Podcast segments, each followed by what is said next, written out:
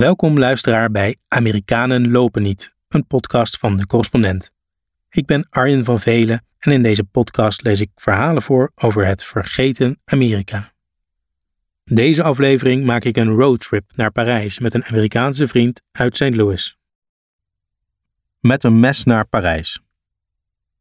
Chuck wil asiel aanvragen in Europa, zegt hij op de chat. Vanwege Donald Trump, grapt hij. Maar is het wel een grap? Ik leerde Chuck een paar jaar geleden kennen toen ik nog in St. Louis woonde. Ik zag hem voor het eerst in een eetentje in het arme noorden van de stad. Of eigenlijk stelde de serveerster me aan hem voor. Een zwarte, kaalgeschoren jonge man in een mouwloos shirt. Hij zat aan een tafeltje en leek verdiept in een pizza.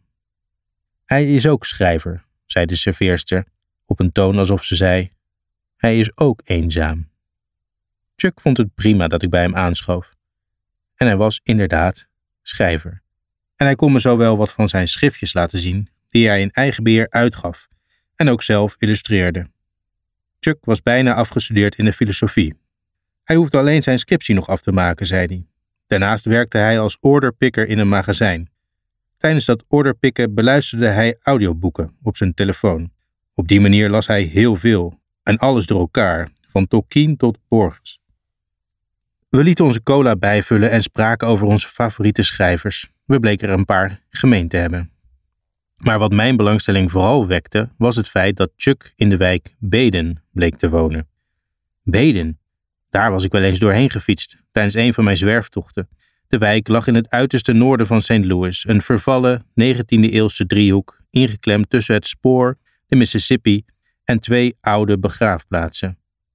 Beden was ooit een zelfstandig stadje geweest, gesticht door arme Duitse immigranten, die hier hun utopia wilden metselen.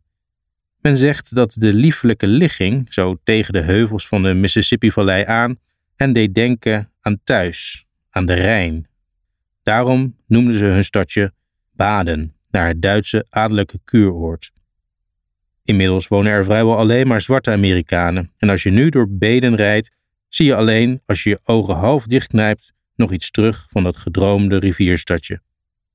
Op de heuvel in het centrum staat nog altijd de oude Duitse hervormde kerk met zijn ranke spits. Maar in het grasveld ervoor ligt afval en in de straten rondom zijn veel panden dichtgetimmerd. Kuuroord is nu ghetto. Ghetto, dat woord zal Chuck niet gauw gebruiken. Beden is zijn thuis. En Beden is volgens hem ook lang niet de slechtste wijk van de stad, waar hij gelijk in heeft. Er zijn altijd plekken waar het erger is, zoals er ook in Beden zelf veel slechtere straten zijn dan de zijne. En zoals er in zijn straat ook mindere huizen te vinden zijn dan de best aardige woning van zijn ouders. Na die eerste ontmoeting met Chuck kocht ik een paar van zijn bundels. Eentje heette The Imperative. Poëzie, essays, korte verhalen en tirades, allemaal gesitueerd in de genadeloze binnenstad van St. Louis.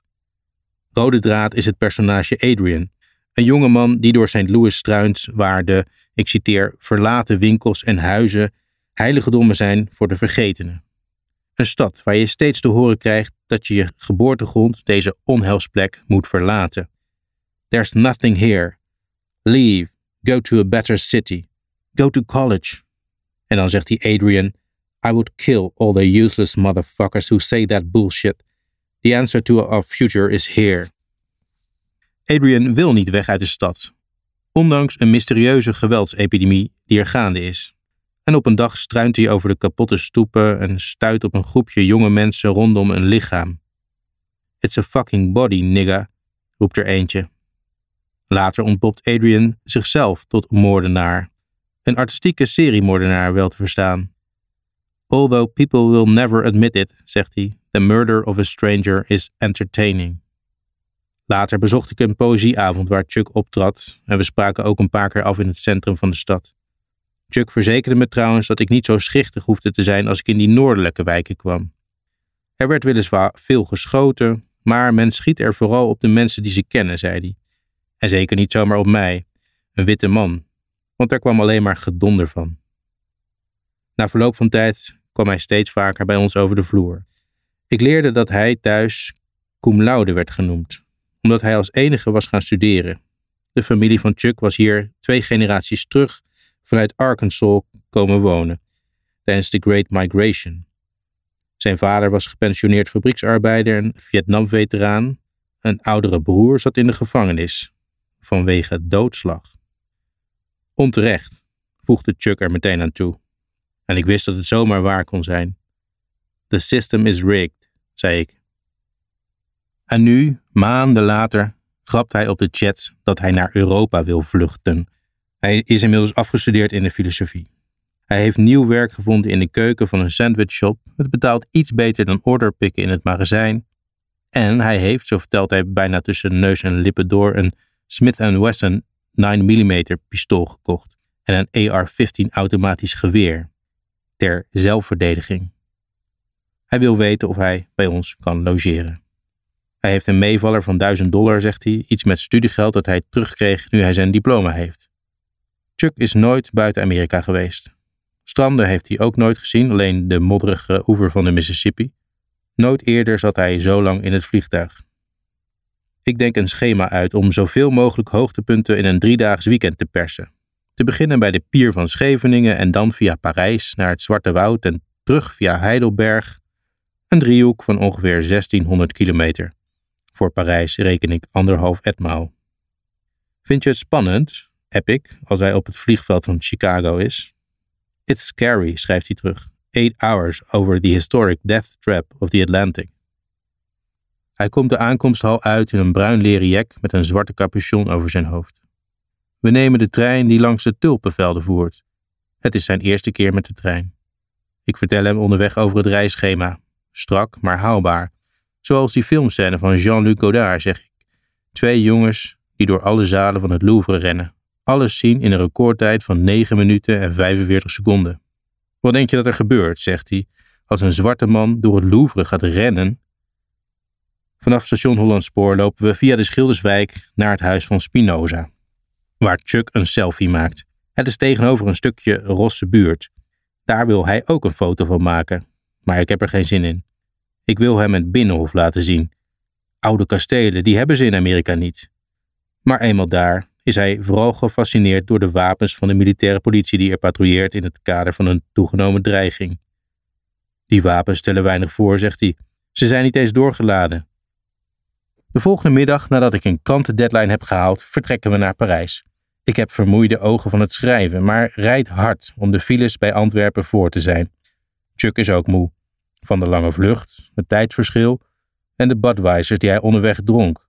Als je maar een paar weken vakantie per jaar hebt, moet je het er wel goed van nemen. Eenmaal Brussel gepasseerd, constateer ik dat we voor op schema liggen. Ik stel voor om van de route af te wijken en via Waterloo te gaan, om daar het monument van de veldslag te bekijken, de piramidevormige Leeuwenberg.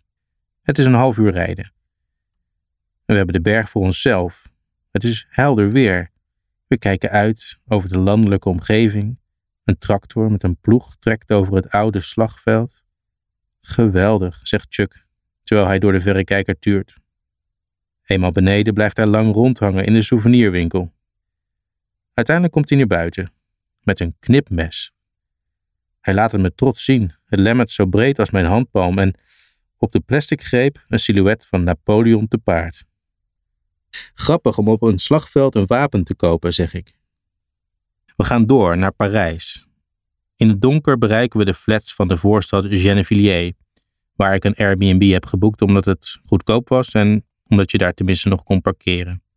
Een van de aanslagplegers van de aanslagen in Parijs komt hier vandaan, zeg ik, als we langs de flats rijden. Parijs is een stuk gemêleerder dan ik me had voorgesteld, zegt hij even later. De gastheer ontvangt ons met een glas rode wijn. Hij nodigt ons uit in zijn minuscule achtertuin en biedt een sigaret aan. Chuck laat hem het mes zien dat hij heeft gekocht. De gastheer lijkt even te schrikken. Een souvenir uit Waterloo, zeg ik snel. Het is de eerste keer Europa. Er blijkt alleen een tweepersoonsbed op onze kamer te zijn. De volgende ochtend zegt Chuck dat ik vreemd heb gesnurkt. Hij zegt het niet verwijtend, eerder bezorgd. Maar ik vind het toch, of juist daarom, vervelend om te horen. Het is grijs weer. De top van de Eiffeltoren is onzichtbaar door de mist. Aan de voet liggen betonnen blokken die er vroeger niet waren. Er patrouilleren ook veel meer militairen. prularia op de kleedjes van de illegale straatverkopers zijn nog steeds hetzelfde. Maar het is mij niet eerder opgevallen, of nee, ik had het vanzelfsprekend gevonden, dat de verkopers allemaal pikzwart zijn. Chuck gaat meteen voor de grap naast zo'n kleedje staan en doet alsof hij mij een Eiffeltoren sleutelhangertje aanbiedt. Gisteravond waren we nog even met de metro naar de Avenue des Champs-Élysées gegaan. Daar was eerder die week een aanslag gepleegd op een politieagent. We wandelden langs een bloemenzee met Franse vlaggen en spandoeken met Citoyen avec la police en Vive la France.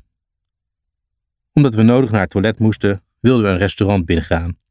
We liepen naar binnen langs de portier, een zwarte man. Althans, ik liep naar binnen, want toen ik omkeek zag ik dat Chuck nog bij de ingang stond, tegengehouden. Is dit nou privilege? vroeg ik even later met een lege blaas. This is a perfect example, zei hij, met een nog volle blaas.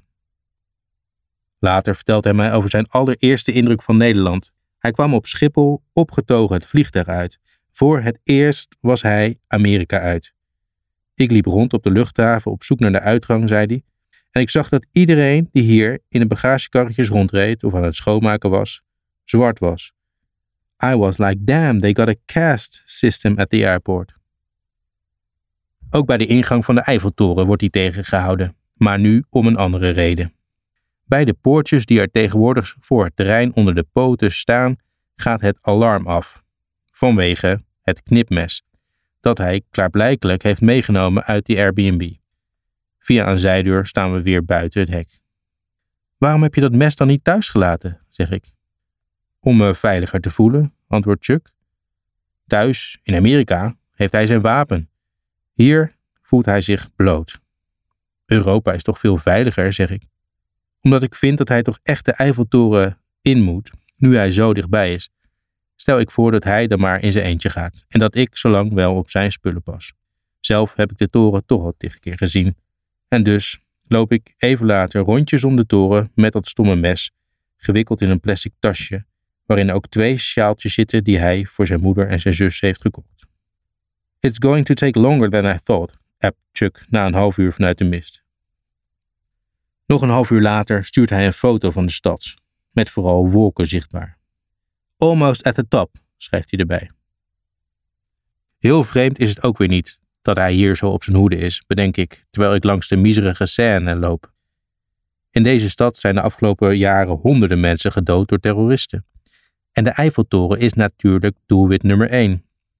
Wellicht dat deze plek voor, voor hem even onveilig voelt als North City voor mij, toen ik er voor het eerst kwam. De volgende ochtend stuiven we door de bloeiende koolzaadvelden van Noord-Frankrijk richting het Zwarte Woud. Ik geef gas. Er zijn kleine reisergernissen, smakgeluiden, plaspauzes, stiltes. Een auto is ook maar een samenleving. Maar het lijkt wel alsof hij steeds opgewekter wordt naarmate we dichter bij de Rijn komen. Eerst voeren we gesprekken over politiek, over hoe Disney-films volgens hem antisemitisch zijn en dat Immanuel Kant heeft geschreven dat zwarte mensen dom zijn. Hoe gek het is om dat te lezen als zwarte eerstejaars filosofie-student. We stoppen even bij een plattelandsdorp waar posters hangen van Marine Le Pen. Het dorpscafé is vrijwel verlaten. Later, we naderen de Rijn al, vertelt hij me over de schietpartijen die hij als kind zag op weg naar school. En over de twee keer dat hij onder schot is gehouden door agenten omdat hij leek op iemand die ze zochten. Lees, omdat hij ook zwart was. Hoe anders was die overval voor zijn eigen deur, in Beden, kort geleden nog maar. Hij voelde zich hulpeloos zonder wapen. Daarom draagt hij sindsdien een wapen. En hij vertelt dat hij bijna uitkijkt naar het moment dat hij het nodig heeft. Ik weet dat het gek klinkt, zegt hij, maar je hoopt op iets wat je niet wil dat gebeurt. We steken de Rijn over, iets ten noorden van de Franse gemeente Saint-Louis. Aan de overkant van de rivier is een truckersrestaurant genaamd Altes Zollhaus geheten. We drinken een biertje om te vieren dat we er bijna zijn. Tegen de avond zien we de sparren van het Zwarte Woud. Ook ik was hier niet eerder.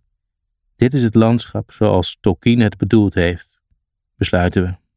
We overnachten in een bergchalet met houten veranda en uitzicht op de bergen. Er is wifi in overvloed. You outdid yourself, Arjen, zegt Chuck. Even later staat hij op het balkon te facetimen met zijn zus. Zijn accent klinkt nu anders, meer als thuis. Zijn zus gilt van opwinding als hij vertelt dat hij, als eerste van de familie, op de Eiffeltoren heeft gestaan. We slapen als kinderen. De volgende ochtend nemen we op weg naar Heidelberg de afslag naar Baden-Baden. Dit was Amerikanen lopen niet, een podcast van de correspondent. Ik ben Arjen van Velen. Wil je meer verhalen vanuit het hart van Amerika? Lees dan mijn gelijknamige boek Amerikanen lopen niet, uitgegeven door de correspondent. Of ga naar mijn pagina op decorrespondent.nl slash Arjen van Velen. Daar vind je alle verhalen die ik voorlees terug, inclusief foto's en verwijzingen. En daar kun je, als je wil, ook met me in gesprek over Amerika of over deze verhalen. Je vindt de link ook in de show notes. Voor nu bedankt voor het luisteren en graag tot een volgende keer.